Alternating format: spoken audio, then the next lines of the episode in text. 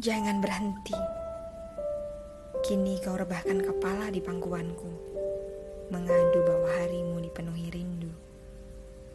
Lantas ku belai lembut hitam rambutmu, ku sisir pelan dengan jemari mungilku. Menelanjangi mahkota yang masih sama sejak pertama kali harumnya memesona.